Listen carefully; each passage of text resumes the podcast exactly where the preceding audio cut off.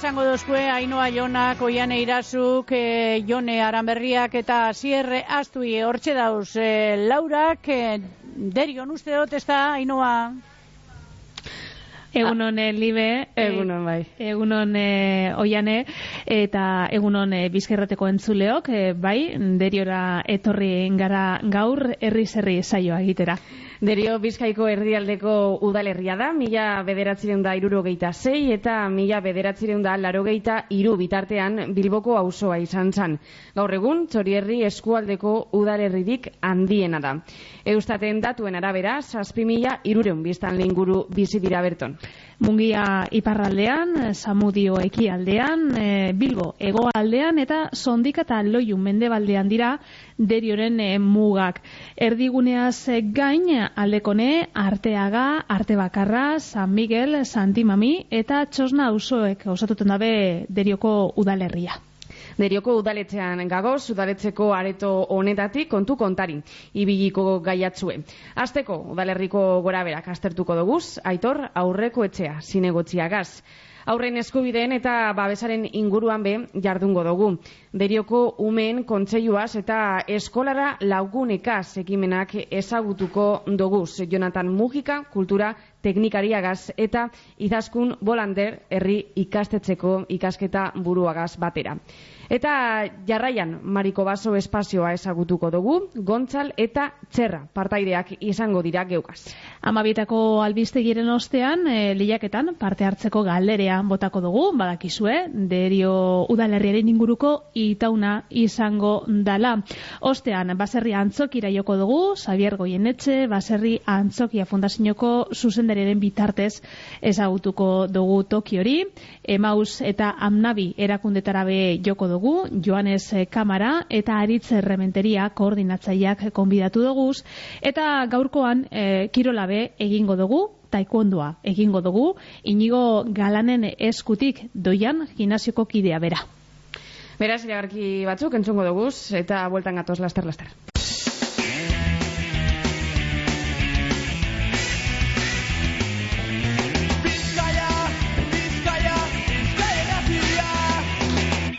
Derio udalerriaren e, egoera orokorra aztertuz hasiko dugu herri saioa. Horretarako geuaz daukagu Aitor e, aurrekotxea Kirol eta Hezkuntza Zinegotzia.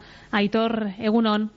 Egunon bai aktualidadeko kontuakaz eh, hasiko gara, astelen eh, goizaldean eh, derioko banketxe baten eh, lapurreta saiak ere agonzan, pertsona bi, rotafles bategaz, bankuko kutsasain automatikoa indarrez eh, zabaltzen saiatu ziran, alarmea aktibatu zan, eta orduan e, persona horrek e, ibilgailu baten iez egin eben, baina ertzaintzak e, lau pertsona atxilotu dauz, e, saiakera honegaz e, zerikusia daukielakoan, zein da aitor e, derioko udalaren balora zinua? Bueno, ba, da, azkenengotan, ba, holako lapurketa edo saiakera batzuk egon dira, indala bi azte be, hango derioko beste taberna batean, e, bi egunetan jarraian saiatu ziren sartzen, eta, bueno, ba, apur bat arduratuta gauz, eh? bueno, e, udaltza ingoa eta ertzaintza lanean dauz, e, bueno, koordinazioa egiten da, Baina, bueno, arduratute, bai, arduratute. Ia, hau bada, ez bada gauza bat e, jarraipena izango duenik. A ber. Eta, hausodarren kejarik edo jaso izan dozue segurtasun faltea edo aitatuta? Bueno, ba, ba hori batxutan izaten da olako, ba, bola da batzuk izaten dir, ezta? Igual, ba, badaude lapurketa edo lapurketa saiakera batzuk, egun batzutan edo epe labur batean orduan bai, ba, jendea urduriago egoten da, bai, bueno, normalean derio herri segurua da, bai. Bueno, e, Aitor, derio eta loiu artean e, dagoan aiartzako basoa ben, aitatu gurako geunken, inguru horretako bizilagunak aserre dagoz, besteak bestean dagoan solairu sarbaten egiten diran jaiak edo rabeak e, diralata. Zer da, horre gertatzen dana? Ba, bueno, hor bada ja aspaldiko kontu bet, e, batez be ba, COVID garaian, eta, bueno, ba, da leku neko urrundu dagoena, ez da oso lan etxeak e, ingurutik, eta, bueno, ba, olako leku, edo olako jaialdiak egiteko leku apropos bat da. Osa, bere arriskoak ditu, eta ba ez da kontrolatuta, baina e, bada hori ba, gazte batzuen, bueno, guk ez dakigu nortzuk direzen, e, igual hartzaintzak da horren kontrola, baina bai, noizbenka ba, olako jaialdiak eta olako raizak eta antolatzen dire, eta claro, inguruneri ba, ba kalte handia egiten utzi bai. Mhm. Horre, sabor ugari be batzen dala, salatzen dabe bertako inguruko bizilagunek, ez da? Bai, bai, bai. Holanda. E, ba, da, en jai egun ostean, ba, bakizu, ba, olako ondakinak eratzen direz, e, gero leku arriskutsua da, e, e, zuteak egiten dire, eta, bueno, ba, nahiko arduratuta gauz, bai, e, egoera horregaz. Eta aitor, e, derio zelako, zelako herria da, herri bizia da? Bai, bai, eh, esan aldugu derion eh, espadaztero, bai, deko bizitza nahiko kultur elkarteak badaude, kirol elkarteak, eta gero, bueno, ba, udal programaziotik be, be- beti saiatzen gare, ba, beti ba, eh, ekitaldiak antolatzen, eta, bueno, ba, esan aldugu, bai, bai, Txoriarri mailan mm, herri, herri nahiko animatua dela, bai, alde hortatik, bai. Mhm. Eta txori herriko udalerririk handiena be bada, biztanle kopurua kontutan e, eukita, e, nabarmena da, udalerri honek azken e, urteetan izan dauan biztanleri askundea. Ba bai, bueno, e, herriko goiko partean hainbat erainkuntza egin direz, eta, ba, bueno, gero be txori herri baiala, ba, bakigu enpresa asko dauela, poligono asko, eta, bueno, ba, agendaren txadoa nahiko leku egokia suertanten jako, ba, derioan, ba, bere bizitza proiektua egitea, bai. Bai, da. Mhm. Bai. Eta horren ondorioz, e, aitor, udalerriak e, izan dauan itxura aldaketea be nabarmena da, etxe bizitza asko ere gira, batez be aldekon eta goiko aldean. E, zer ekarri dutxo horrek herriari?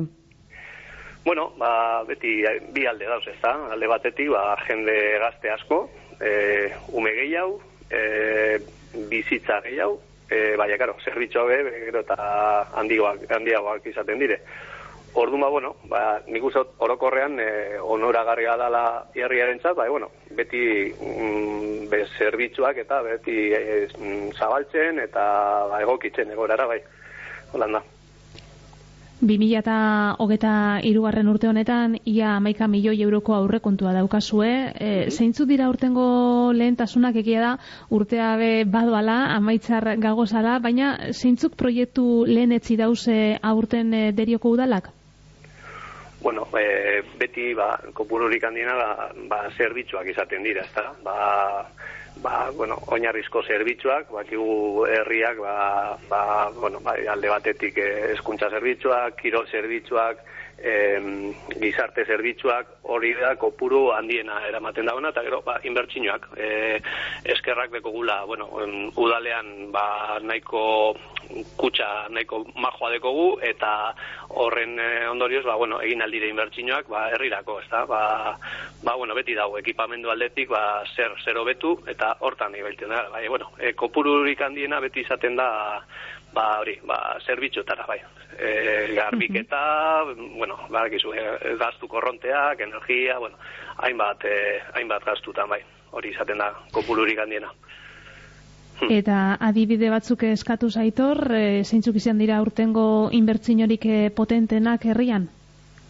Bueno, ba, alde batetik, e, ba, igual, e, horreko guz, e, kirol arloan, egin direz, e, ba, horrekontu parte hartzaileen bitartez, ba, bueno, horre ondirez, ba, ba, ekipamenduzko inbertsio batzuk, alde batetik, e, kirol, e, polikirolegi ondoan dauzen kantza batzuk, e, estali ziren, horre inbertsio nahiko poteti da zen, gero, e, pum, trak e, pista bat egin dugu goiko partean, e, gero eskolatan be, ba, bueno, eraikuntza batean ba, hor gauz ondino lanak amaitu bari dauz, bai, bueno, badau proiektu bat, e, ba, legaliko pro, e, proiektu bat, ba, egiteko eraikuntza guztietako, ba, komunak eta dana berriztu, e, patio inklusibo bat e, be, en, egitea eskolan, eta, bueno, hainbat proiektu deko guz bai. E, gero, ba, ba, ba, kaleak urban, batzuk, kale batzuk urbanizatu dire, eta, bueno, ba, ba, hainbat, hainbat inbertsio egon dire bai, aurte bai. Mhm. Eta datorren urteari begira, e, urte honetan 2024 laugarren urterako aurrekontu parte hartzaien prozesua be martxan Bai. abian daukazu, ezta? Bai, bai, bueno, ja eh, azkenengo fasean dauz, eta hor, ba, bueno, atera den proiektua edo, edo boska gehien izan dauen proiektua da, hori, ba, lehen esan dutxuten e, kantxa estali horiek, ba, albotatik e, estali, ez, estaltzea, ze, bueno, nahiko altuak dire, eta, bueno, ba, aizea eta euria esartzeko, ba, hori izan da e, irabazi dauen proiektua, baina, bueno, beste hiru proiektuak be, geratu dire hor zailkatute, eta horrei be bai, ba, bueno, ba, posiblea bada, ba, ba, bidez, e, ba, bueno, ba, aurrera aterako direz. Zeintzu dira, e, hiru proiektu Bai, horrek, herritarrek bai, eh, proposatu da bezanak? Bai, bigarrena geratu zen e, hori, e, skate parkeko beste fase bat handitzea, e, gero beste bat izan zen e, herrian dauzen trafiko kontrolatzeko radarrak eta bueno, e, oin dauz bat edo bi herrian ba dire solako radarra pedagogikoak deitzen dutzie eta ba, bueno, ba, mm, herritik zabaltzea, da purbet ba, trafikoa eta abiadura eta ba, kontrolatzeko. Eta gero laugarrena izan zen, ba, ume txikintzako, ba, zer, bueno, lokal bat edo mm, ludoteka bezalako zeu zer zerbitzu bat martxan jartzea. Eta, bueno, hori, ba, kompromisoa da, ba, bueno, ia, haber zelan bideratu, eta, bueno, ba, horterako, ba, ba, bai, ba, ba, dirua eh, horretarako bideratzea be bai. Eta zelan dago derion e, udal gobernuaren eta herritarren arteko hartu emon e, hori? Bueno, ba, uste gu nahiko relazio zuzeina da, la, osea, gu gobernu, go, e, gu- gobernu taldeko partaideak mm, egunero gauz kaletik, eta egunero ba, jendea baki nor garen, eta bueno, ez dago inolako arazori, ba, gurekin proposamenak zuzenean bideratzeko, edo dauzen e, ba, tresnak, gaurko tresnak, ba, ba, bueno, ba, e-mailez bidez, edo transparentzia zerbitzutatik, eta, bueno, nik uste dut, e, ba, alde hortatik nahiko zerbitzu ematen dugula. Merkataritza arrora behioko dugu aitor, eh, deriokom, merkatarien eta zerbitzuen alkarteak e, urbileko merkataritzaren balioa azpimarratu gura dau, eta e, horretarako, ba, orain dela egun gitxi batzuk aurkeztu bezan, e, hiru kanpaina jarri dira abian e, udalerrian, e, zelako egoerea bizi dabe derioko merkatariek eta zelako sektorea da merkataritzearena? Bueno, enderio beste herritan bezala, ba, bueno, me- merkataritza, ba, bueno, eh, sare nahiko, nahiko zabala dago, baina, bueno, ba, gero eta urriagoa da, ze bakigu, ba, oiturak aldatu dire, mm, herri guztietan arazo antzekoak egoten dira, ba, betiko dendak edo betiko komertzioak e, izten direnean gero horre errelego bat egotea, ba, oso zaila izaten da, e, badauz, ba, komertzioa bere erronkak ditu, ba, online salmentak eta olako ohitura aldaketak eta bueno, ba, batez ber jende gaztearen artean, ba, bueno, mm, horre ohiturak aldatzea, ba, zaila izango da. Ba, bueno, e, udalan aldetik, ba, bueno, ba, gure esku dagoena, ba, e, bertako pro, komertzioa, ba, propo, e, promozionatzeko eta indartzeko, ba, bueno, hor beti gure, e, gure laguntza izango dute. E, bai, kanpainan bitartez, edo bonoak, edo gabonetako kanpainak, edo olakoak, bai. Hori izango da gure, gure eskaintza, bai. Eta kanpainari jagokonez, e, zelan gauzatuko dira derioko malkarteak eta udalak martxan e, jarritako kanpaina horrek, zelan, zelan, izango, zelan izango dira? Bueno, eh, oin arte izan da, ba, bonoen bidez, eh, ondi osaztu barik dekogu, bai, eh, ba, olako antzekoa izango da, bai. Eh, ja, eh, informazio zehatza dekogunean, ja, eh, ba, ja zabalduko dugu, bai. Eta merkataritza aitatuta, ostalaritzaz be itanduko dutzute aitor, Mhm, eh, bai. zelan dago ostalaritzea herrian? Bueno, ba, be bai, gauza, bera, eh, mm, derion badau hainbat eh, ostalaritza eskaintza, eh, dau ba, ez- hainbat eh, taberna, jatetxeak dauz, eta, bueno, ba, bada herri bat, ba, bueno, lehen esan dutxuten moduan, ba, inguruan hainbat enpresa, hainbat e, ba, biztanle dagoen leku da, eta mugimendu handiko herri bat da. Bai, bueno, e, horbe hauren arazoa dekiz, ba, bueno, ba, ba, bueno, horre ohitura aldaketa egon dire, ba, bueno, ba, eguneroko menuak, eta, bueno, hori be joan da purbet berantza, eta, bueno, ba, hordaz, e, horretara egokitu behar, bai. Bai, bueno, holbe dau e, ostalaritzaen elkartea, eta, bueno, eurekin, ba, bueno, e, elkarlan, e, elkarlanean egoten gare, ba, bueno, holako ekitaliak, eta, bueno, ba, apurbete kampainak eta holako gauzak egiten, bai, eurekaz bai. Eta arlo sozioekonomikoan eh, zelan dago herria, zelan dago derio, da ze lan aukera dago berton, hemen eh, bizkaiko parke teknologikoa daukagu? Bai, bai, bai, bai, parke teknologikoaz gain, ba, gero bain bat poligono deko guz inguruan, eta bueno, mm, ba, ba bai, ba dauz, au, aukerak ba dauz e, lana topateko. E, bai, bueno, horre lana da, e, bueno, zegoen zelako egoera ekonomika horako horrean dagoen, ba, bueno, ba, hori da gauten dan eskaintza, bai, bueno, derio, ba, ba, ematen ditu lan aukerak, bai, ematen ditu, bai, ze, mm, bere inguruan, hainbat enpresa eta hainbat e, zerbitzu elkarteak eta hainbat e, e, eskaintza dauz, horretarako, bai. Eta bezalako gaietan aitor, ez dakit kulturan edo, e, zeo zer e, aitatu gurako zeunke?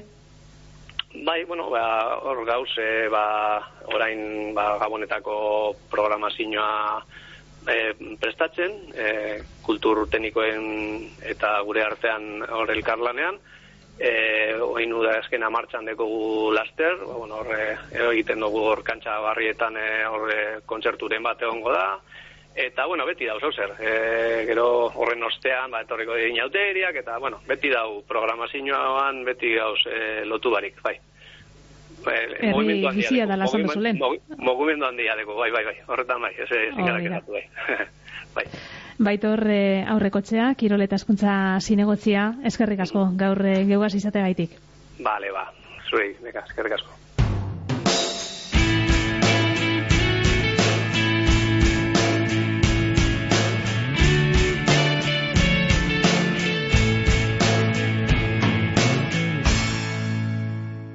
Semendiaren hogeia, umearen nazio arteko eguna izango da. Eta egun horren arira, jarduera batzuk egingo dira derion.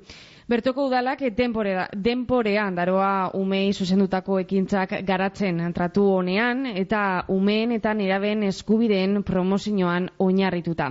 Babeski programearen barruan udalak ekintza diferenteak bultzatzen dabil.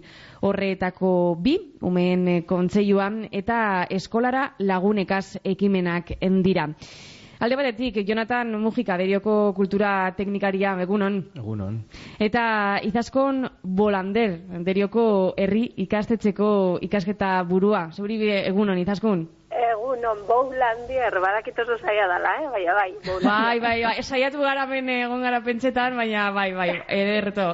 Lasai, lasai, bueno, egunon. Egunon, bai. Bueno, Jonathan, eh, noiztik dagoz martxan ekimen bi honek?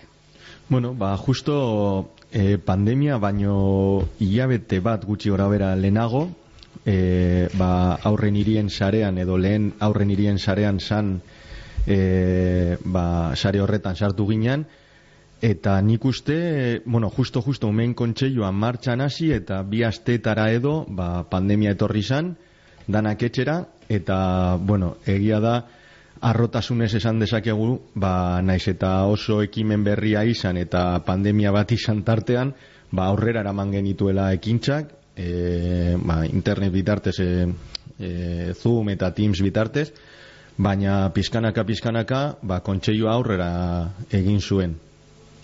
Zeuk esan duzu, Jonathan, derioko udala aurrekin sareko partaidea da. E, konta zer dan sare hori, zein dan e, sare horren e, helburua? Bueno, bai, e, deitu dote aurren irien sarea, orain aurrekin deitzen, deitzen dana. Ba, bueno, hau aspaldi sortutako ekimen bat da, e, bildu ziren, gero gu sartu ginen, baina bildu ziren Euskadiko hainbat e, herri, e, ba, umen, ba, besa eta umen e, eskubideak, aldarrikatzeko eta ber bakotxak zer, zer egiten zuen bere herrian. Hori hasiera baten innobaskek eramaten zuen e, egia esan pizkanaka pizkanaka gero eta herri gehiago sartu ginela e, dinamikan eta azkenean ba, eusko jaurlaritzak ikusi zuen ba, ekimen potentea sala e, gizarte moduan eta batez ere umei itxa e, emateko eta meuren eskubideak aldarrikatzeko eta bere gain hartu hartu du oindala ba ez dakit e, urte bete edo. Eta orduan izen aldatu zen, horre, horregatik aurren irien sarealen orain aurrekin. Eta hortxe gabiltza, bakoitza bere ritmora, e, niri gustatzen zait pilo bat sarea, ze alde batetik teknikarioi balio zaigu jakiteko ez garela estralutarrak. Osea, e, e, claro, hemen gerta daiteke gu sentitzea estralutar moduan, ezta? Gu gure umen e, kontsentziarekin eta baina bueno, herri askotan egiten da eta herri oso oso oso ezberdinetan. Mai berean esartzen gara, osea, jesartzen gara Bilbo, Derio, Zumaia edo Gatika. Herri oso oso ezberdinak, mm, ekonomikoki oso ezberdinak ere, aurrekontu aldetik, baina e, hizkuntza berean hitz egiten eta umeen e, eskubideen alde. Orduan hori ere bada aberasgarria. Izaskun, eta zeuen kasuan, e, udalaren deia jasotzen dozuenean nolako ekimen baten, nolako proiektu baten parte hartzeko, zein da zuen hasierako erantzuna? Bueno, babitu ni e, kargo honetan berria izan nintzeniat, eta orduan irai aurrian, hasi zanean augustia heltzen, banekien eskolan e, e, lanean enguelako, ez, baina ez hain, hain zehatz. Eta hasieran bueno, batzen dozu susto pizka bat, ba, berzelan antolatu, baina, bueno, beraieko zondo e, antolatuta dut, orduan dana doa bideratuta, jartzen gaituzte kontaktuan e, beste enpresako, bueno, neska batekin edo arduradun batekin, eta horren bidez egiten dugu dana, ez? Balkartzen gara, komentatzen dugu, e, bueno, ba hori, adibidez, e, umeak, e, ume kontzeioena, pues hori, e, nortzu joango diren, laugarren eta bosgarren mailakoak izaten direnez, ba, bueno, eskolako zerrendak ikusten ditugu, e, ze ume gongo ziren pres, baina azkenean saiatzen gara, eta hori, enpresakoek esaten digute, ez? Ba, ez egitea bosketa, pizka bate itxuagoa egiten dute beraiek, holan ez dira betiko umeak aterako. Badakizu, ez? Azkenean, e, bueno, ba, aukera eta eskubidea emoteko ikasle guztiei. Eta, mm bai, egoten gara kontastuan, koordinatzen gara, eta oso gustora, gero oso esperientzia polita da. Jonathan, e, eta proiektua ekintza zehatz bitan oinarritzen da, umen kontseilua, eta mm, eskola bideak, ez da? Azaldi guzu pizkatzu bat.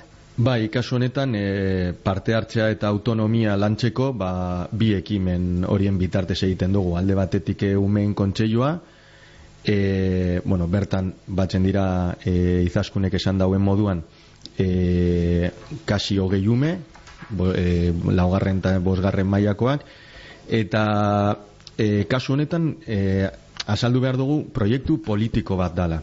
Zergatik, ba, talde hau e, alkatearen e, talde kontsultiboa edo delako.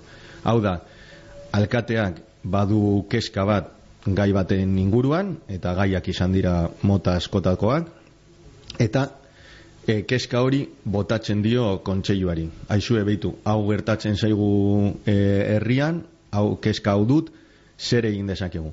Udan, kurtsoan zehar batzen dira, hiero behin, batzen dira e, taldekideak eta azkenean ekainan bueltatzen diote alkateari proposamen bat, behitu. Hau aztertu dugu, gure ideiak hauek dira eta kasu batzuetan ba, ekonomikoki hau ateratzen da edo behar dugu hau hau eta hau eta gero beti, beti, beti eskatzen da alkateak izatea erantzun bat umeentzako. Ba, bai, hau egingo dugu edo ez da posible honengatik, honengatik eta honengatik. Ez? Azkenean, helduok ere hori espero dugu. Mm Joaten garenean edo nora zerbait eskatzen. Erantzuna jasotzea. Hori da. Bai edo ez. Eta eseskoa bada, ba, hauek dira arrazoian. Eta azkenean gure ideia da, edo gure ideia, gure filosofia, umeak pertsonak dira eta helduen eskubide berberak dituzte. Orduan, tratatu behar ditugu pertsonan arruntak esan nahi dute, ez, ez dute txarto, txartu lertxeak egotea, baina e, pertsonak balira. Azkenean ez dira estralutarrak, badira pertsonak eta behar dituzte erantzun egokiak. Izaskun, eta zelan hartzen dabe gazteek, laugarren eta bosgarren mailako gazteek, e, herriko gobernuan parte hartzea. Azkenean, eurebe, e, herriko gobernuaren parte dira eta hobetu e, edo betzen e, saiatzen dira e, ba, bueno, euren ideiak edo, ez da? Hori da, azkenean e, ba, eskolaren helburu niretzate, eskolaren helburu, eskola, eskola hitza e, moduan, eskolaren helburu importantena do nagusiena da pertsonak egitea, ez?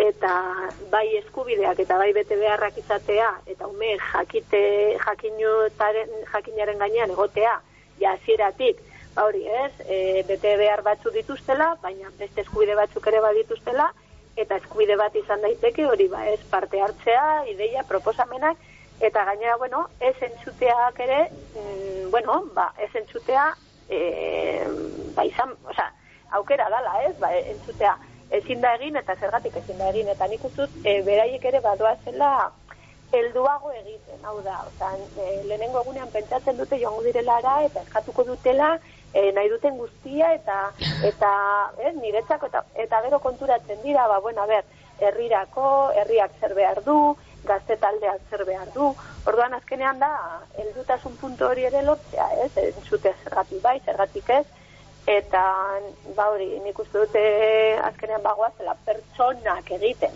pertsona txikia dira, baina paus handi bat ematen ari dira. Eta e, zelakoak batu izan dira orain arte pertsona txiki horren e, aldetik, zelako eskaerak eroan dabez, e, zelako zalantzak?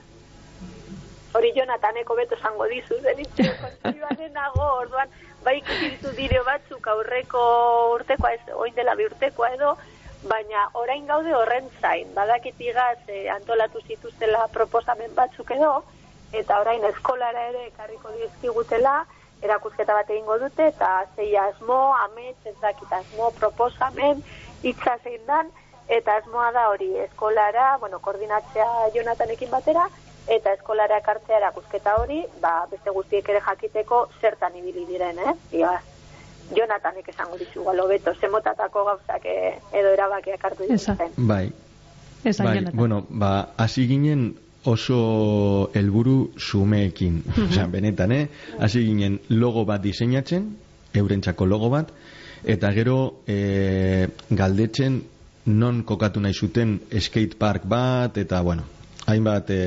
gaztentzako baliabide. Baina bat batean, e, lehen komentatu zue auto, aitorrekin e, aurrekontu parte hartzaien kontua, umekor ez dute ez haotxik, ez boskatzeko aukerarik ere. Eta guk uste dugu, herria bizi behar badute, herrian parte hartzeko aukera izan behar dutela. Orduan, esan genien, bueno, ba, zuek, esan, zein modutan nahi dozue zuek e, parte hartu, aurrekontu parte hartzaietan. Gainera, kasu honetan, e, ba, bueno, legediak esaten du, amasei urte, uh, urte baino gutxiagokoek ezin dutela boskatu eta bar. Baina, klaro, baditugu hemen e, aurretan eraben eskubideak. Eta eskubide batek esaten du aukera izan behar dutela parte hartzeko eta euren ahotsa entzune egin behar dugula. Orduan, eurek e, eman zioten forma horri eta aurrekontu parte hartzeaietan ja, oindala bi urte parte hartzen dutela, zazpi urtetik aurrera? Bai, hori da. Eurek jarri zituzten hainbat e, ez dakit e, zelan muga edo bai, ba, bueno, irakurri irakurtzeko almena izan behar luketela e, idazteko, bueno, hainbat e, araz joko, a, e, arau, joko, e, joko arauek barkatu. Orduan, e, ba, bueno, eurek azaldu zieten bideo baten bitartez, izaskunek esan dauen moduan beste umei baselan parte hartu, eta eta hortxe gabiltza hortik aurrera. E, hain zuzen be, umen kontzeioaz e, gabiltze berbetan, baina esan dugu e, programa honen barruan, babeski programaren barruan badagoela, bigarren proiektu bat, eskola bide, segurunik e, ezagunagoa egiten jaku, e, derion esan dozunez, e, pandemia aurretik e, dagoz kasunetan be eskola bideak martxan, Jonathan, edo ez, kasunetan, ostean izan zen, justo hasi ginen hor ere eurekaz e, batzen, hemen badau atxeko edo ikuste den lan oso potente bat da eskolara sartu, eta galdetzea ba, bueno, zuek zelan mugitzen zareten etxetik eskolara batzuk oinez, beste asko kotxez, adibidez kurasoekin, bakarrik umeekin, osea beste lagunekin eta ba, bueno, hori izaskunek eh, oso Ezagutuko dago, ez da? bai, oso argi Bai. ikusiko du.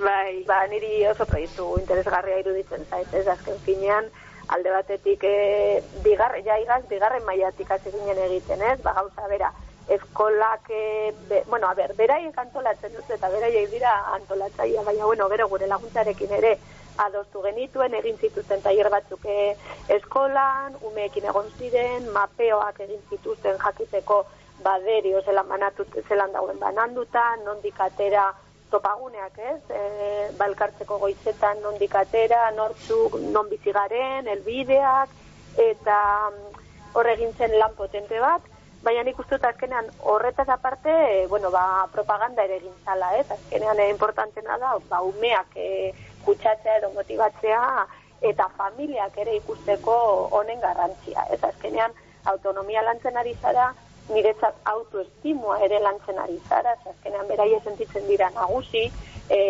bueno, monitorea doaz beraiekin, baina iaia bakarri doaz, lagunekin doaz, harremanak zendotu aldira, edo igual harreman berriak ere e, egin daitezke, eta zikera nigo goratzen dut, ba, zelan familiak, ez un poco beldur hori horrekin, ez, ai, baina nola joango dira, baina, a ber, gero, familientzako, konziliazioerako, e, bueno, abantaia itzela da, azkenan zukutzi aldozu zure umea, zortzirak eta hogeian edo zortzi erdietan, zu lanera zoaz badakizu badagoela zainduta, eta badoala lagunduta eskola eraino, zapatio eraino, eta gero horretaz aparte, e, ez dakizelan esan, e, ba, e, un, e, hori, familiek kendu behar dute beldur hori, ez? Osea, e, umeak ez dira inumeak, umea gai dira hori guztia egiteko, kotxea ekiditu albadugu, badakite derio handia dala, ez? Eta eskola guztiontzako ez dagoela e, urbil, edo hain urbil.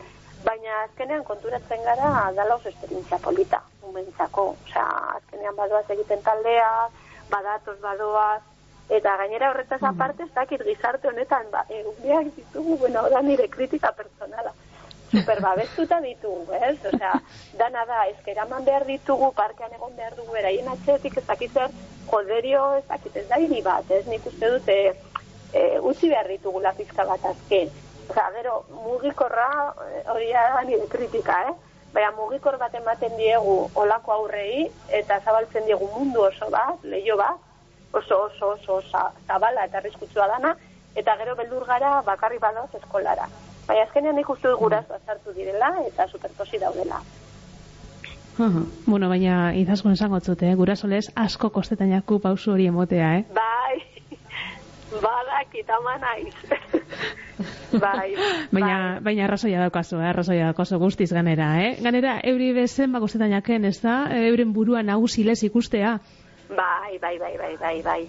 Oso, nik uste dut badoa zela egiten, ba, esan dudana, ez, autoestimurako ere, komentzen du, bueno, ni gai naiz, e, joan naiteke bakarrik eskolara, e, hori ez, e, e, kuskuseatzen laguneka, jijiji, jajaja, eta, bueno, oinez be, bai, kirol, kirola edo, ez dakit. Hori da. Kotxearen erabilaren e, gutxitzea ere, murriztea, pues, importantea da gaur egun, ez? Bai. Alkarrizketa hasieran e, aitatu dugu zemendiaren hogeian e, umen nazio arteko eguna ospatuko dala eta derion umen eskubideen e, edo eskubideen lotutako jarduerak egingo dira. Jonathan, e, zer antolatu dozu, eh? Ba, egia esan, eta arro sentitzen naz, era bat. Programa oso, oso potentea e, sortu dugula, ba, ama sortxean hasiko gara e, gazteekaz, e, programa, bueno, programa, e, taller, jolas taller bategaz, gu jolas abeti izaten dugu oso, oso presente, mm, batez ere umen e, eskubide bat dalako, jolasteko e, denbora izatea, eta bueno, ba, kasu honetan, jolastuko dugu sexualitatean estearen kontuarekin, gaztelekuan egingo da, e, gero, azaroaren hogeian, justo eguna, eguna dala, ba, goizean e, aterki batzuk e, banatuko ditugu, eskolara lagunekaz e, programaren barruan, ba, pizkat e, ikusi dogulako, euriari duenean, ba, gero eta ume gutxiago doa zela oinez. Orduan, ba, saiatzen ari gara, ba, itxaki horiek ekiditen, ezta? Eta bat da, bale, euriari du, hartu aterkia, babestu zure burua eta babestu zure zure eskubideak, ezta? Gero arrastian dekogu e, jarraituko dugu e, e, sexualitatean esten e, filosofia honekin, baina ja familiei bideratuta, LH-koak e, hogeian, e, DBH-ko familiak hogeita, hogeita bian, eta gero daukagu hogeita iruan, jardunaldi oso, oso potente bat, edex fundazioarekin batera, e, ba, bueno, babesa, kirola eta eta isialdian, ezta? Hemengo klubak egonbidatuko ditugu. Eta bueno, ba ona da etorriko da Iñaki Romero, e, Iñaki Romero da atletiken e, egondakoa e, aterpe programa lideratzen. Eta bueno, niri aurkeztu zidatenean e, oso relaziona dut berarekin esan zidaten gai honen e, mesia sala. Osea, dino guretzat da aukera paregabea hemendik oso gertu dugulako mm Iñaki eta benetan jakituna da eta hemen egongo da egongo da gurekin. Eta gero e, urrengo astean ja bukatzeko ba, bideoforum bat izango dugu ba, kirolean edo elite kirol horretan egoten diren violentziak ba, aztertzeko ekitaldi ugari, aurren e, eskubideen arteko egun horren e, arira, dinogunez, e, azararen zemendiaren e, hogeian. Ba, Jonathan, e, kultura teknikaria, eskerrik asko. Zuei. Eta izaskun, zuri be, eskerrik asko gaur geugaz bai. esate gaitik. Mila, mila, esker, zuei, placer bat. Ondo segitu, urrengo bat arte, bai. Bai, eskerrik asko, ondo izan. Bizkaia erratia Bizkaia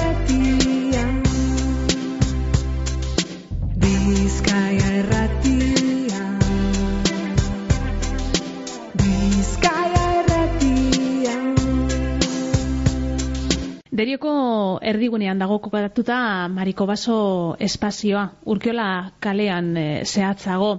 Gontzal e, Jauregi eta Txerra Rodríguez, Mariko Baso espazioko kideak, egun on Egunon. Bueno, konta iguzu, zer da Mariko Baso?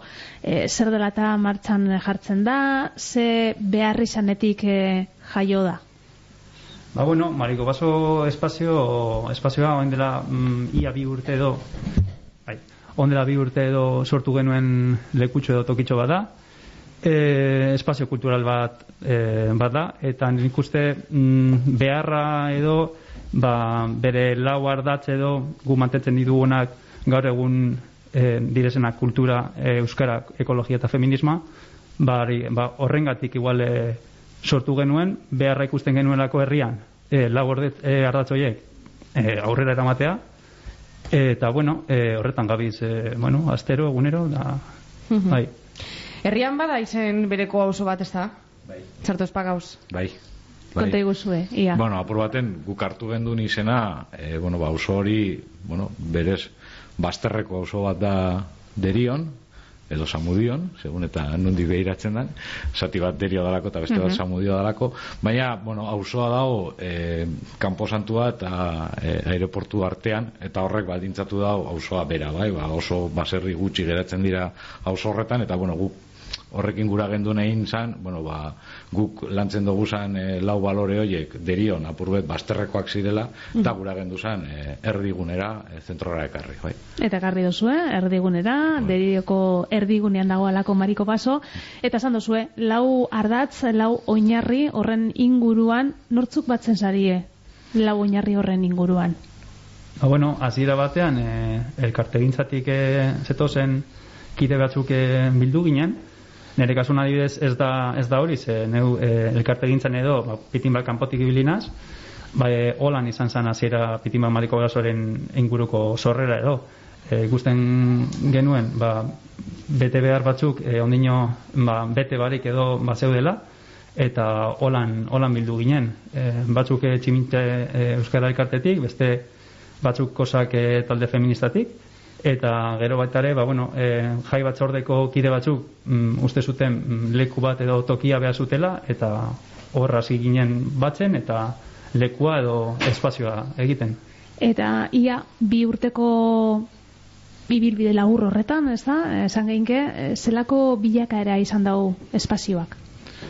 Bueno, ba, ia bi urte hauetan ba, laro egun bat, e, ekitaldi indoguz e, mariko bason bai, danerik apur bat, e, ba, bueno, ba, kultura ekitaldiak oietako batzuk, ikastaroak behin indoguz, eta abar eta abar bai, bueno, ba, e, mariko baso guk espazioa da, baina prozesua ere bada, eta zentzu horretan, bueno, ba, ari gara apur baten e, beti gauza barriek edo beti gauza desberdinak egiteko e, bueno, ba, gogoagaz edo ez dakit zelan adirazi, bai, apur baten hori da, bai, beti gauza bar, e, barriek, gauza diferenteak eiteko, bai, hori da apur baten ibilbidea, eta bueno, jarraitzen dau, eta bueno, gaur egun mariko baso hau da, bai, bueno, ez dakigu emetik urte betera izango da, bai.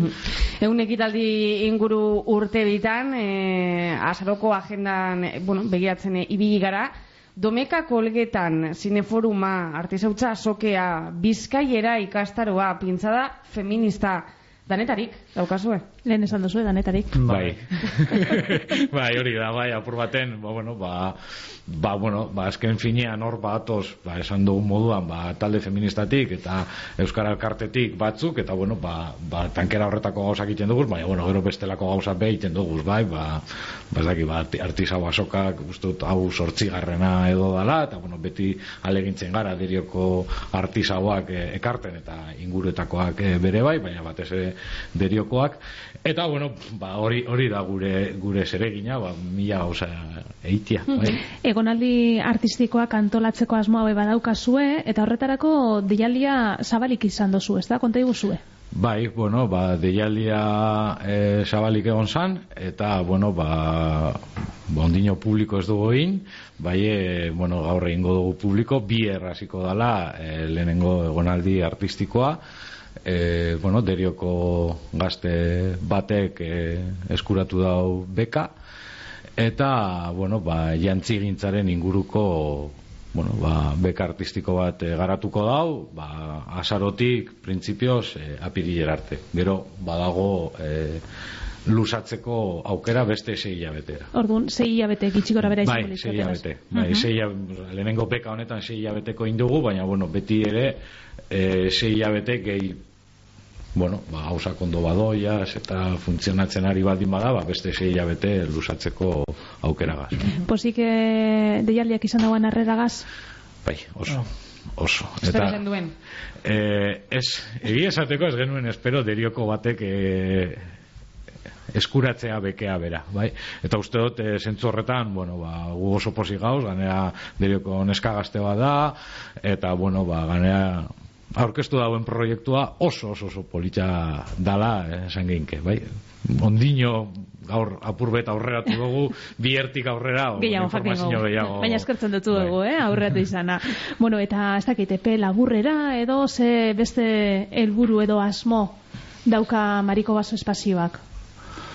Bueno, batxarrak esan dagoen moduen, eh, egoro gabiz eh, bai, pasuak emoten. Batzutan ez dakigu igual, bai, e, metiki batera, bile betetera, badeko buruan e, pitin bat, e, zakite, idei bat, edo etorkizuneko, e, bueno, bai, idei edo proposamen bat, baina nola guaz e, egunero, ez dakite, pausoak ematen, ba, batzutan, ba, bueno, ez deko horre e, limite bat, edo, ez dakit nola saldu, baina, bueno, gitsi gora bera hori da. Bai egie da, emetik, e, e, bueno, e, hile buka eran edo, badekogu bai greba feministaren inguruko, e, da, bueno, gauze guztiek, baita bendoren batean etorriko jaku Mariko Basora e, Josebe Blanco e, eta bere liburu ekarteko bueno, e, aurkezpen modura edo. Eta bueno, e, gitxu gara bera hilabete honetan e, deko guna da. Bai, egia da, beste bi gauza be badeko guzela epe laburrean, bai, bueno, urtarrian gure dugu egin e, amabostaldi bat, e, bueno, apur baten ekologiaren inguruen, eta bueno, ba, asokak egingo dugu, e, pintxadak, zineforumak, e, itzaldiak eta abar, eta gero bai, bueno, ba, urtero e, urte sasoi honetan ba egiten dugu sustengu kanpaina bai? Guk mm -hmm. Mariko Bason ez dekogu baskiderik Mariko Bason e, dekogu sostengatzaileak. Eta bueno bai oin hasiko garela ba ba gitxi barru ez dakigu ondino nos bai bueno gitxi barru hasiko gare e, bueno ba kanpaina eta bueno aurtengo leloa izango da Mariko Baso betirako baietz. Eta bueno ba amesa da behintzat, e, bueno, ba, hortik, ba, diru partida majo bat ateratzea, ba, bueno, azkenean Mariko Basok be, badeko zelako behar izanak, e, diru premiak eta abar, ez dugu esan, baina, bueno, Mariko Baso espazio autogestionatua da, -huh. guk geuk egiten dugu ekitaldi guztiak, ez dugu diru laguntzerik eskatzen, ez dugu e, inoren baimenik ez ezer eskatzen, eta guk egiten dugu e, danak geure baliabide propioekaz, bai, eta orduan, bueno, ba, beti behar da, ba, bueno, ba, jendeak sostengatzea eta bueno, ba, diru partida batzuk ere hortik e, ateratzea. Bai. Ba, Gontzal e, Jauregi, Txerra Rodríguez, eskerrik asko, bertera atortzea gaitik, eta Mariko Baso espazioa geuri aurkeste gaitik.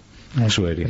Bai, aukera bat ez be motearren, ze azkenan, ba, bueno, azten guaz astiro astiro eta horako aukera ba, eskertzen ditugu pilo bat.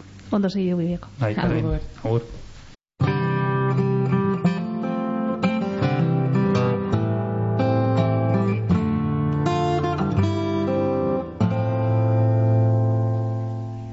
Herri derion jarraitzen dugu udaletzean hain zuzen. Lehen orduan, aitor aurreko etxea zinegotziagaz, Jonathan Mujika kultura teknikariagaz, Izaskun Bolder herri ikastetzeko ikasketa buruagaz eta Mariko Baso espazioko Gontzal Jauregigaz egin dugu berba.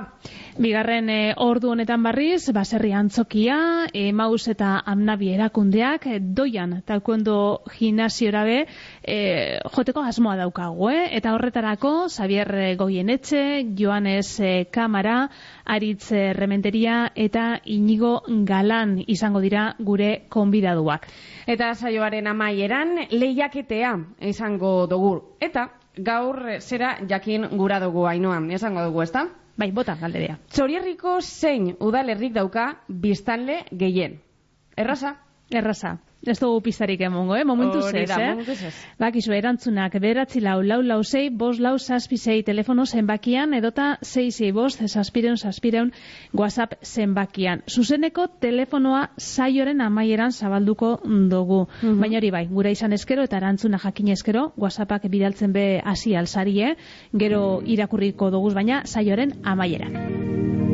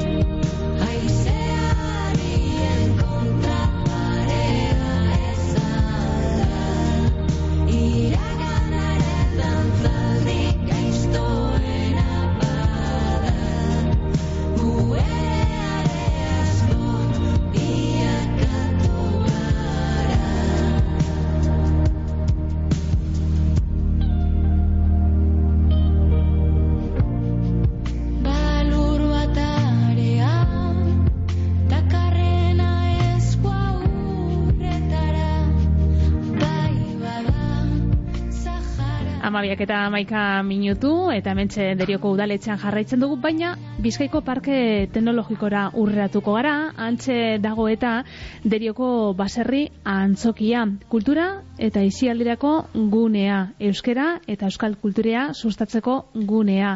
Derioko txorierriko eta inguruko euskaltzalen topagunea.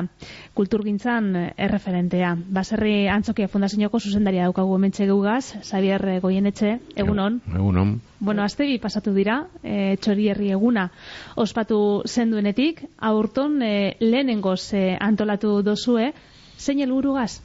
Bueno, ba, azken finean gure helburuak betetzeko, alegia e, euskera eta euskal kultura sustatzea, e, bueno, 2006an zabaldu genuen, gero hiru bat urte eman genuen hor, ba, lanean ondo samar, gero pandemia, eta, bueno, ba, bazen sasoia, ba, gure helburuari be, ba, purtsu bat modu sendoagoan e, e, heltzeko, eta hori izan da helburua.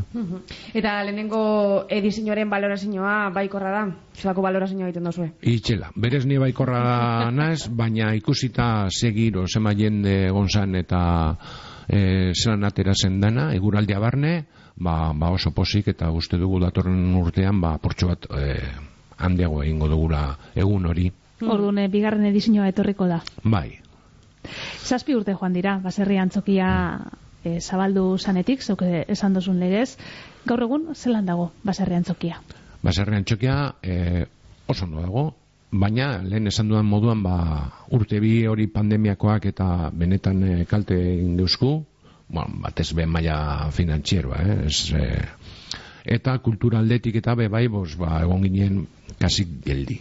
E, oso gauza gutxi egiten, barruan, bueno, e, denok ezagutzen dugu egoera eta nahiago dut pixka bat e, horriari buelta matea eta aurrera begira. Baina, e, lehengora buelta usarie, hau da, zikerako hiru urte horretara, edo ondino... Ba, e, bai, bai, bai, eta uste dut apurtxo bat hobeto, e, bai. Baina orokorrean, esan dezagun. Urte honetan zehar fundazioak e, ekintza kantoratu dauz, e, Xavier, euskera eta euskal kulturea sustatu gurean. Ekintza horren hartzaileak, txorierri eta inguruko herritarrak dira. Posik zagozi, eh? Jaso dozuen feedbackagaz. Bai, eta gainera esan duzunaz gain, nik esango nuke txorierrera lanera datozenak, horregatik gu parke teknologikan gauz, helburu horregaz be bai, parke teknologikan amaika mila zeirun bat langile dabiz beharrean, oso maila, bueno, e, kulturala handikoak edo, esan dezagun, eta eurei begira ere, eta beste enpresa, enpresa batzuei begira ere, ba gauz. Eta egia esan, ba, lan egunetan e, lan gehiago egiten dugu enpresekaz, eta asteburuetan ba, txorierriko biztan leokaz, eta egia esan, bai a, arlo batean zein bestean, e, nahiko ondo gauz. E, ez posible den hobetzea, hori beti izango da ez da, baina, baina posik gaude bai. Zelako ekintza kantolatzen dozu Xavier? Bueno, ba, jendeari begira, batez ere, baz dira musika, orain barikoetan egiten dugu musika zuzenean, kanpoan eguraldi ona egin duen arte, eta gero orain baia hotxa sartu denetik, ba, ba barruan, eta bestelako ba, txorier eguna moduko bestelako eventoak edo bueno, edo kanpotik etortzen jakuzen beste e, proposamen batzuk eraten dugu, egongo da bat salserri, hori kubako musika eta bueno, horren inguruan, segu euskaldunak gara baina integratzaileak. Orduan ba, kuba ez dugu inbaituko, baina bueno, e, integratu bai egingo dugu. Jatetzea be badaukazu, ez da?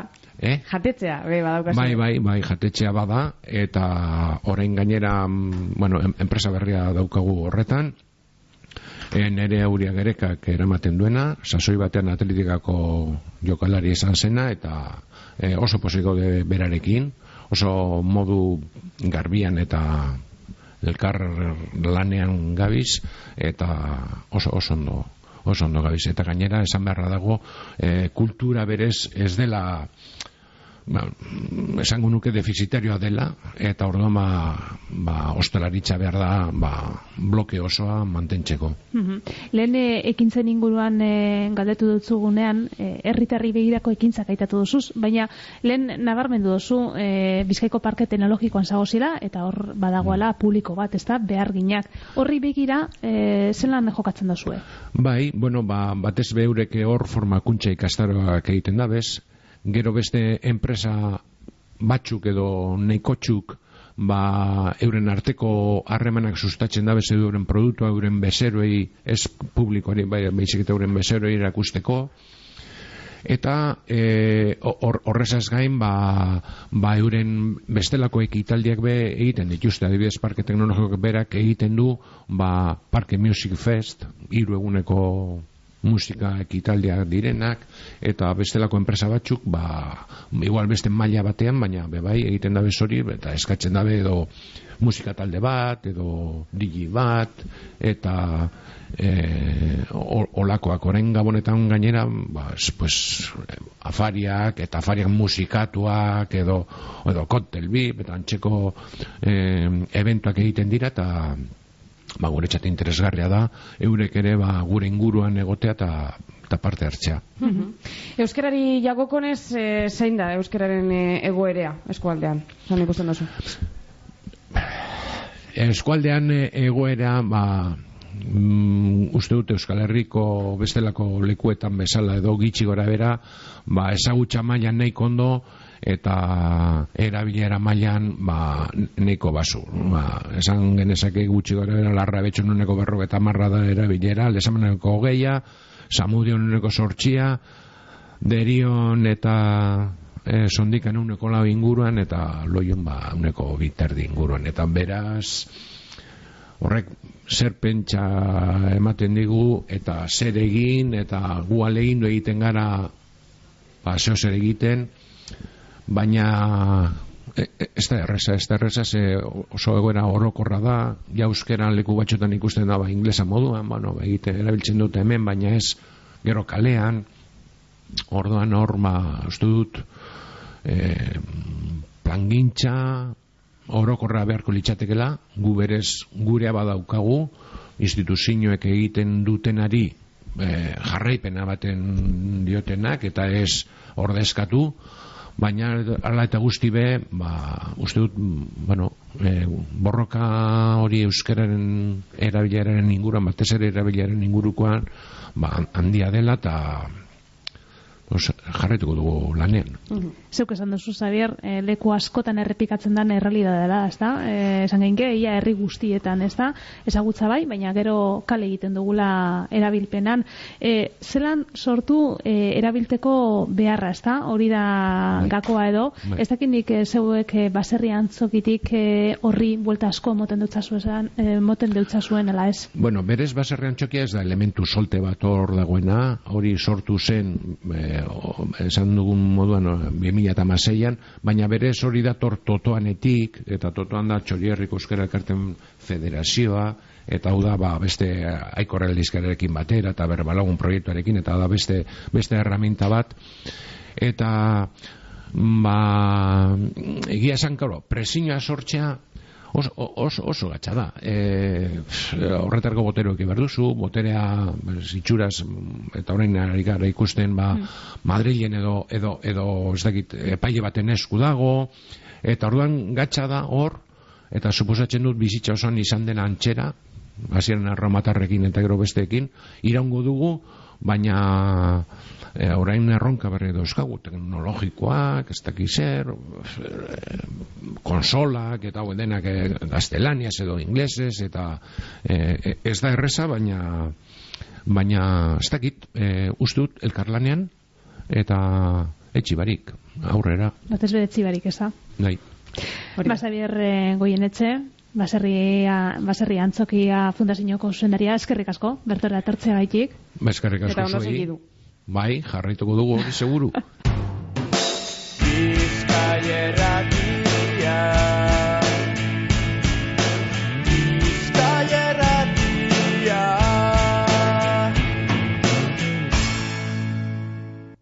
Hemen derion jarraitzen dugu, rengo erakunde biak be, erreferente dira derion, gero eta parte hartze handiagoa daukie udalerrian.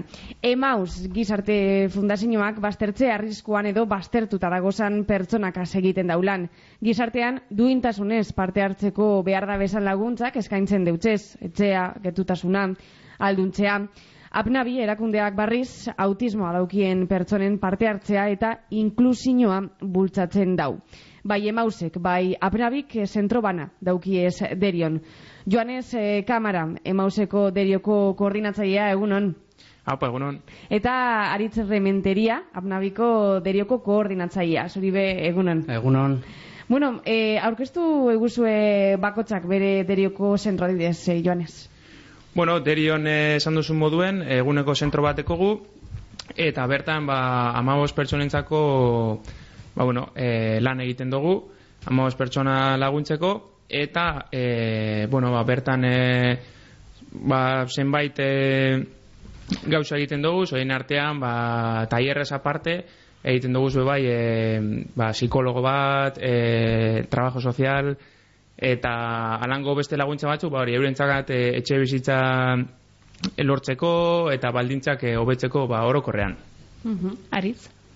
Bai, e, guk, e, bueno, justo orain e, izan da urte hurrena, vale? zentro berri bat ireki dugu hemen e, derion, e, esan duzun bezala autismo duen e, pertsonak e, e, deko guzan, eta, bueno, pizkatzu bete da, e, beraien, e, beraiei laguntzea, ez, e, beraien bizitza independientea, eta e, eroateko, aurrera eroateko, pues, e, bueno, pues herramientak eta emotea, ez da. Gero be bai e, badekogu bestaldarri batet, e, bueno, e, lanerako la, edo lanera zuzendu alizateko e, pertsona batzuk, ez? E, jardinerian eta hortuan eta beharrean egiten dugu eta gero pues bueno, pues komunitatean eta pues be bai hemen derion auzokidekaz eta herrian e, pues bueno, pues e, lan egitea, ezta? Eta bueno, horretan pues emaus egazia kolaborazioaren bat egin dugu eta udaletxeak be bai e, oso ondo hartu gaitu eta bueno, pizkatzu bete hasieran pizkatzu bete beldurtuta gauzan, baina e, oso ondo oso ondo da eta oso gustora gauza hemen. E, kasu bietan, eguneko zentroak dira, e, noiztik e, zuon kasuan? Guk ja hiru urte e, dara guz hemen. Mhm. Eta zukaritzek esan duzunez, urte hurrena. Bai, justo orain e, urrian e, egin dugu. Eta behar bada gure entzulek e, jakitun egongo dira amnabiren e, derioko egoitza e, Europako arkitektura sari batzutarako izentau da bela, pasan astean geurean Bai. izan zinean e, aritz eta bueno, e, egia da ikusteko moduko instalazioak daukazu esala, e, zentroa guztize barritzailea dala, bueno, konta iguzue, e, emauzen kasuan amaboste erabiltzaile, amaboste pertsona daukazu ez, aritz zuok zenbate erabiltzaile? hogeita lau. Hogeita lau erabiltzaile.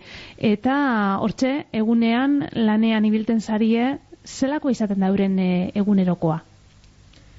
Bueno, gure kasuan topa, e, saiatzen garena da, e, ba, bueno, e, rutina bat e, topatzea, egunero ba, goizetik e, behar bat e, izatea ba, jeiki, e, atondu, eta, eta gure zentrora etortzeko, eta bertan ba, okupazio edo, bai, okupazio bat e, ematea, ez da horretarako, ba, e, tailerrak esan dudan moduan, tailerrak e, egiten doguz, eta eta bueno, ba, holan lort, lortu nahi duguna da, ba, ohitura osasuntxu batzuk e, lortzea, eta eta bueno, horretan e, hori da gure lanik e, handiena, egunerokotasunean.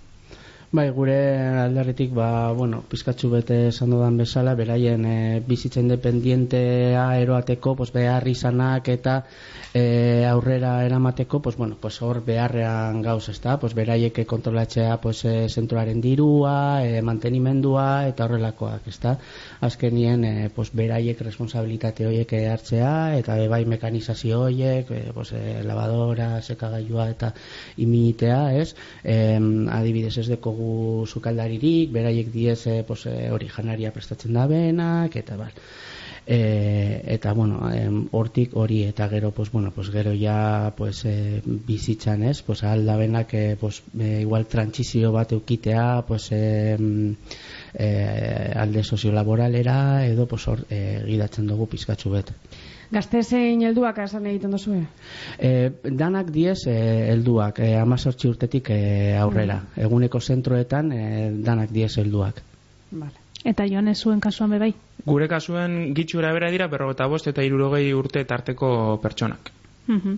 E, amnabilen kasuan e, aritz e, alkarteak e, erabiltzaileen familiakaz begiten daulan, ez dakit zuok e, zelako hartu mona izaten duzuen familiakaz?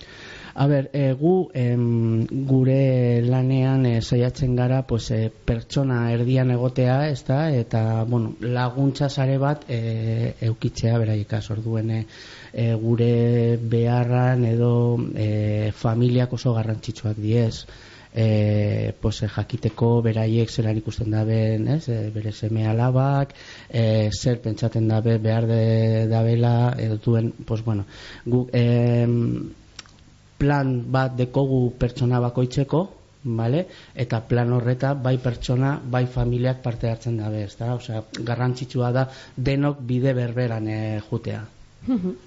Eta zelako baliabideak eskaintzen e, deutsazue zeuren parte hartzea inklusioa bultzatzeko joanez?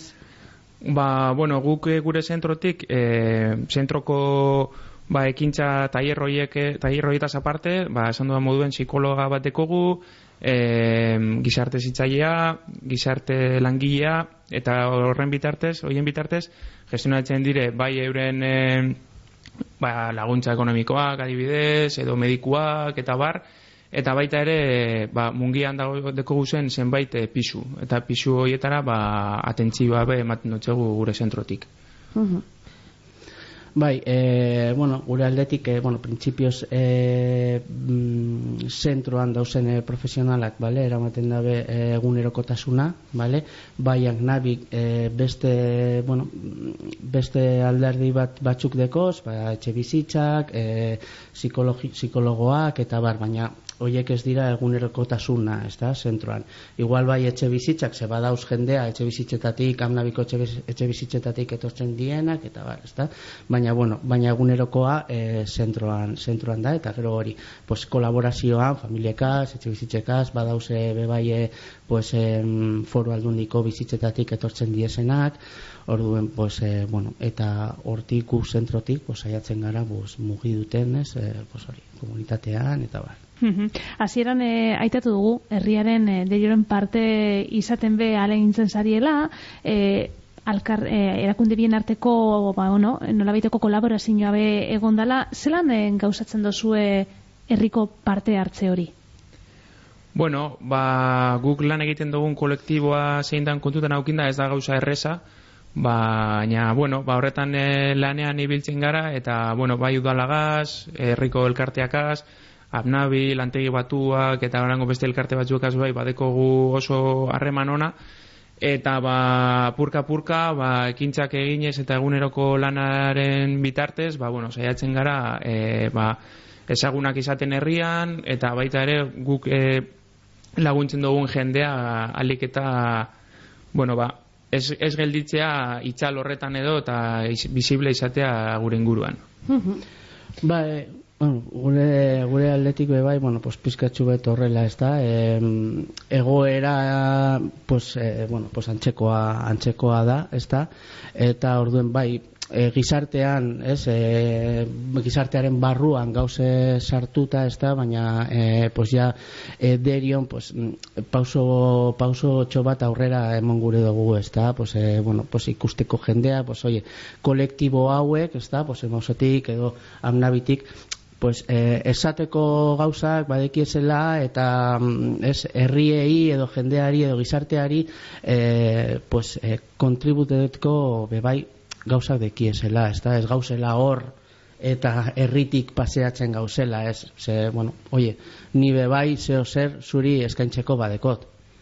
Joanes, ez duzu aitatu, baina ganbara gizarte irratia be egiten dozue. Bai, hori da gure zentroko proiektu nagusia, e, eta bueno, da irrati sozial bat, eta bertan, e, bueno, ja badora guzia berrogeta marre programa, eta bueno, ba, saiatzen garena da, hori ba, gure zentrora egunero datozen pertsonen ahotsa apurtxo bat, ba, alik eta urrunen heltzea be bai. eta, bueno, ba, ordu asko sartu dugu horretan, eta, bueno, elkarrizketa pilo bat egin dugu be, hainbat eh, jente eta elkarteri be bai, eta, bueno, ba, horretan eh, jarraitzeko asmoa dakogu. Eta orokorrean gustatzen jake, irratia. Bai, oso, oso herramienta proposa da, e, bueno, ba, berbaiteko, eta, bueno, ba, irratia beraz aparte be bai e, lortzen da, ba, eurekin oso harreman, e, bueno, estu bat, ze, claro, berba eta berba egin behar da, eta, Mm. bueno, ba, gauza askurtetzen dire hor. Amaitu orduko, aritz joanez, mesuren bat e, lusatu gurako zeunki, eh? Bueno, ba, azteko, e, a ber, e, gambara gizarte irratia entzutera animatzen dut hemengo entzuleak bai, eta bestalde, ba, ba bueno, ba, gure zentroa zabalik dauena, dauela e, gure deuen e, edozinentzat, eta, bueno, ba, guke gurean jarraituko dugula, eta norbaiteke hurbildu nahi badeu ba, gu ezagutzera, ba, ongitorra izango dala. Bai, eta gure partetik be bai, pues, e, bueno, e, berdina ez da, eta batez be eskertzea derioko herriari, derioko elkartei, be, hain ondo hartu izanak, ez? E, bueno, e, oso posik gauz, eta jo, e, eskertzekoa da be bai. Aritz Rementeria, Amdabiko kidea, Joanes Kamara, Emauseko ekidea, eskerrik asko gure atortzagaitik. Bai, zuei. Agur. Agur. Bazatoz berriz baino ni banoa Zure arrazkiak mendik apalian Egunero jaikita begitartian. Utzia zue pakian ez dakit esan Denboa noa hitzik ez dakatela. Gutxaiatze zait bihotza ahoa Taupadak ta hitzak beti batoaz Zure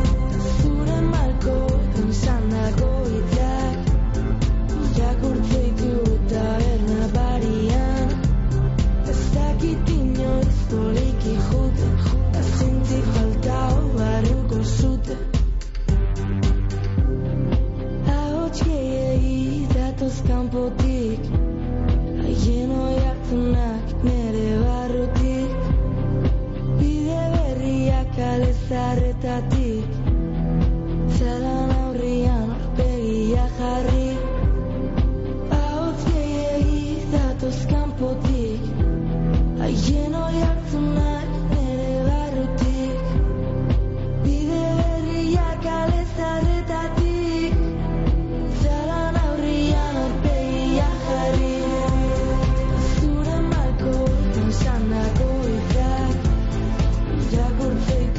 Zalantza barik, doian gimnasioa, kirol erreferentetako bat da derion, eta baita eskualdean, orain dela lau amarka da, mila beratzirun da larogeta bigarren urtean zabaldu ban, taekwondo gimnasio hau Aristides Alonso Maisuak. Beste ikasle batzuk lez, Asier Rodríguez, mila beratzirun da larogeta sortzian hasi zan, eskolak jasotzen, eta familia baten lez, Asierrek ezeban zalantzarik izan, Maisuari laguntzeko, Aristides 2008an hil zan eta Asierrek gimnasiogaz eh, jarraitzea erabakieban. Bera da, gaur egun doian eh, taekwondo gimnasioko maisua eta bere laguntzaietako bat inigo galan emetxe geuaz daukagu. Inigo, egunon. Egunon, Bueno, klaseak eh, emoten dozuze gimnasioan, ez da? bai, Hori bai, aurretik ikaslea izandakoa. jo, lau urtekin hasi nintzen hor. Lau urtekin. Bai, sorte hona eukinuen Aristides ere nire maizua izan zen, txikitatik bera esan zidan sartzeko barrura. Eta gero ba, jarraitu nuen e, asierrekaz. Mhm. Eta taekwondoa arte martzialen eh, modalitateetako bat da, eh, baina zer gaitik aukeratu zen duen taekwondoa eta ez beste ezakitu beste? Ba, ni errebak zegoen hor barruen. Orduen, ni nau, nengoen hor kristaleran, ba, beti egiten, hau, ba, defentsa, erasba, bala urtekin, igo hanka. Eta baristiaz esan zidan, ondo portatzen bazara, alzara jarri hemen barruen. Orduen, ba, sartu nintzen hor, eserita, begiratzen beti, eskua gora, eskua bera, putxoetan gora, eta horrela pam pam pam, eta hasi nintzen gero la urtekin ja, ba, gelan jartzen, atxeko puntan, ez? Hori deko orden bat, ba, goiko gerrikoak, eta gero, pa, pa, pa, pa, zuria nintzen orduen, ba, atxean nengoen. Eta hor, gutxi gora bera, ta, ta, ta, ta, ta, ta, ta, eta aurrera ino. Gaur arte? bueno, gaur nau beste aldean. Bestaldean, bai, baina bueno. bueno, eta probatu duzu beste arte martxalen bat, edo... Ba, ez. Ez dut probatu inoiz, ez di... Ez zai gustatzen. Osa, ni nau oso, oso posi taekwondo agaz. Orduen, ikusi dut boxeo, ikusi dut ere hemen gimnasioan ere dekogu jetkundo, baina zerbait faltatzen zait, ba, pausu aurrera emotera, ez? Nau oso posi taekwondo, taekwondoarekin eta ez dut aldatuko. bueno, tika, e, gimnasioan taekwondoa bakarrik ez, e, beste disiplina batzuk be praktiketan dira, zeintzuk dira? Ba, esan dodanez gure kide bat egiten du jetkundo, profesore, horrela, e, barruan daukagun profesore bat egiten du taekwondo eta gero jetkundo, ere dekogu taitxi, vale? eta zentro, beste zentro ban, e, dekogu yoga. Vale, orduen, oie, oie kiru ditugu. Eta zuzeu inigo, noiz eh, hasi eh, klaseak emoten, eta zelakoa da, edo zelakoa izan da ikasle izatetik irakasle izaterako pausu hori? Ba, gogoratzen dut, ba, gutxi gora bera, ba, amabost urtekin esan zian hasierrek. Inigo, sartzen zara ostiral batera eta laguntzen didazu ba, txikiekin. E, ostiraletan egiten dugu konbate. Orduen niri, ba, beti gustatu zait konbatea, ez?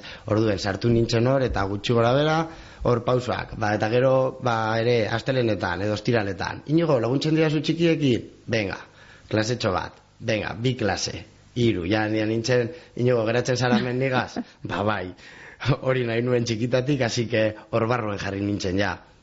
Eta gaur egun zenbat e, ikasle, nabil janen? Ba, gutxi gora bera, berreunda, berrogeta, mar, iruroge, gutxi gora bera, hor, hor dekogu.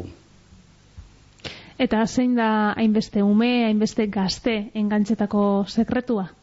Ba, nik uste dudana da, dekogula ja izen oso ona, hemen derion eta txori herrin, eta hori asko laguntzen e, diu, orduen. Gero ere bai dekogu ba, txapelketako e, taldeak, ez? E, torri gara orain bertan Pontevedratik, euki ditugu ba, erresultatu oso onak, ba, sortxi, pff, e, uste dut, sortxurre, e, zilar, zazpui lau, brontxosko beste lau, orduen, ba, esker resultatu onak dira, ez? Eta, oi, ba, gustatzen zaie umei, ba, beraiek ere gure dute horretan parte hartu, ez? Basartzen dira, ikasten dute, e, gero nahiago dute, ba, edo txapelketak, konbateko txapelketak edo teknikaren txapelketak, hor, sakabanatzen dira, eta gero ere bai oso garrantzitsua da, ni, bueno, nire kasua ez, baina taekwondo, norbaitek taekwondo egiten badu eta oso posik egon dena, egon bada, gero bere umea ekarriko du. Eta hori da nire txako oso polita. Mhm. Orduen, ba hori esan nahi du lana ondo egiten dugula. Mhm. bueno, mutilak egitzietzi barik, baina azpimarratzeko bada, ez? Nesken parte hartzea. bai, bai, bai, bai, bai. Aspar, aspar, ui, oso ondo goaz neskekin. Lanak alderantziz dira. Bur, e, buru gogorrak garago mutilak mm. apurtxu bet, eta neskak entzuten dut apurtxu bat gehiago. Así bai, que... Orokorrean, ez da? Bai, bai, bai orokorrean. Dekogu neska, ba, neska gehiago mutiek baino e, konbateren taldean, eh? Txapelketako taldetan, dekogu neskak. Eta gero e, maitxak onenak dira neskena. Baina azkenengo txapelketan, esan behar dut, mutilak egon direla ondo. Ondo, ondo. Bueno, ane baiejoren izena aitatu gurako geunke, eh, amasi urteko derioztarra da, e, doia gimnasioko ikaslea, baina gaur egun e, Madrilgo errendimendu handiko zentroan dabilena, bai. e, Espainiako taikuendo selekzioak e, beka bat e, emonostean, eta nik uste dut inigozuk oso ondo zagutzen dozula ane, zebere entrenadorea izan zara, ez da? Bai. Zelako taekwondo laria da ane, noraino heldu daiteke? Nik esaten dio nire bikotari joango garela zehetuko garela e, Los Angelesera joatera. Han ikustera? Bai. Bai? Bai. Hori da gure nire pentsamendua. Nik konfiantzan diadekot be, beragaz eta eske oso lan txikia zenean, nik begiratzen nion eta esaten dio.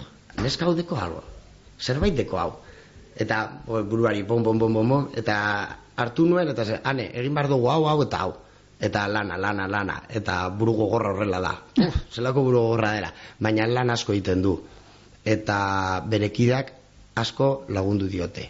Orduen, ba, juntatu da purtsuet guztiak, egin ditu txapelketa oso onak, eta ba, Espainiako selek, e, selekzionador bateri ba, sartu genion begitatik, ez? Eta ba, ditu gen.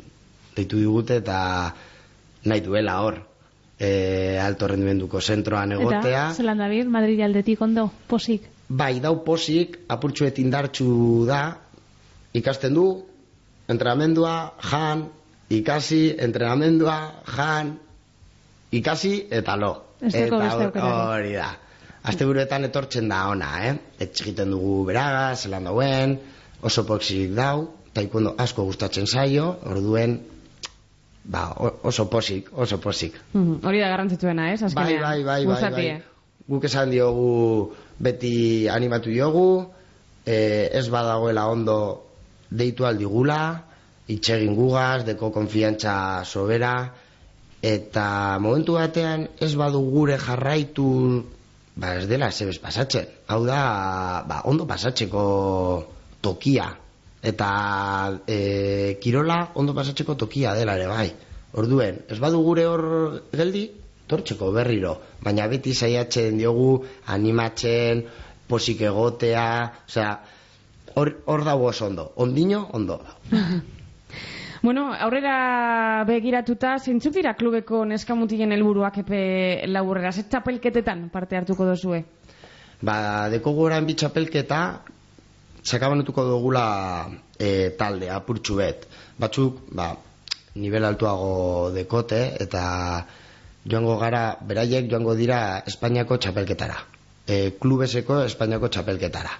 Eta beste batzuk joango dira Open de Miranda, dekogula. Irabazten badute Open de Miranda, eroaten dute jamon bat. Orduen, Abai jo, zelako saria, ondo. berria, ondo, ondo, ondo gustora, ere, bai. gustora. Baina beste joango, eh, joango gara Espainiako txapelketara. Eta noiz e, izango dira proba horrek, Eh, abenduan, abenduan. bai, Orduan bai. bere ala. Txisi bere ala dekogu. Bere ala ditugu bi txapelketak, sekabaratzen dugu, eta abenduan dekogu azkenengo froga indarra. Hori da, urte amaitu orduko, ez da? Bai. Bainigo galan, doian eta ekuendo gimnasioko kidea, eskerrik asko, zuei. izateagaitik, eta zuberterik onena zeuen eh, klubeko neskamutilentzat. Bale, eskerrik asko zuei.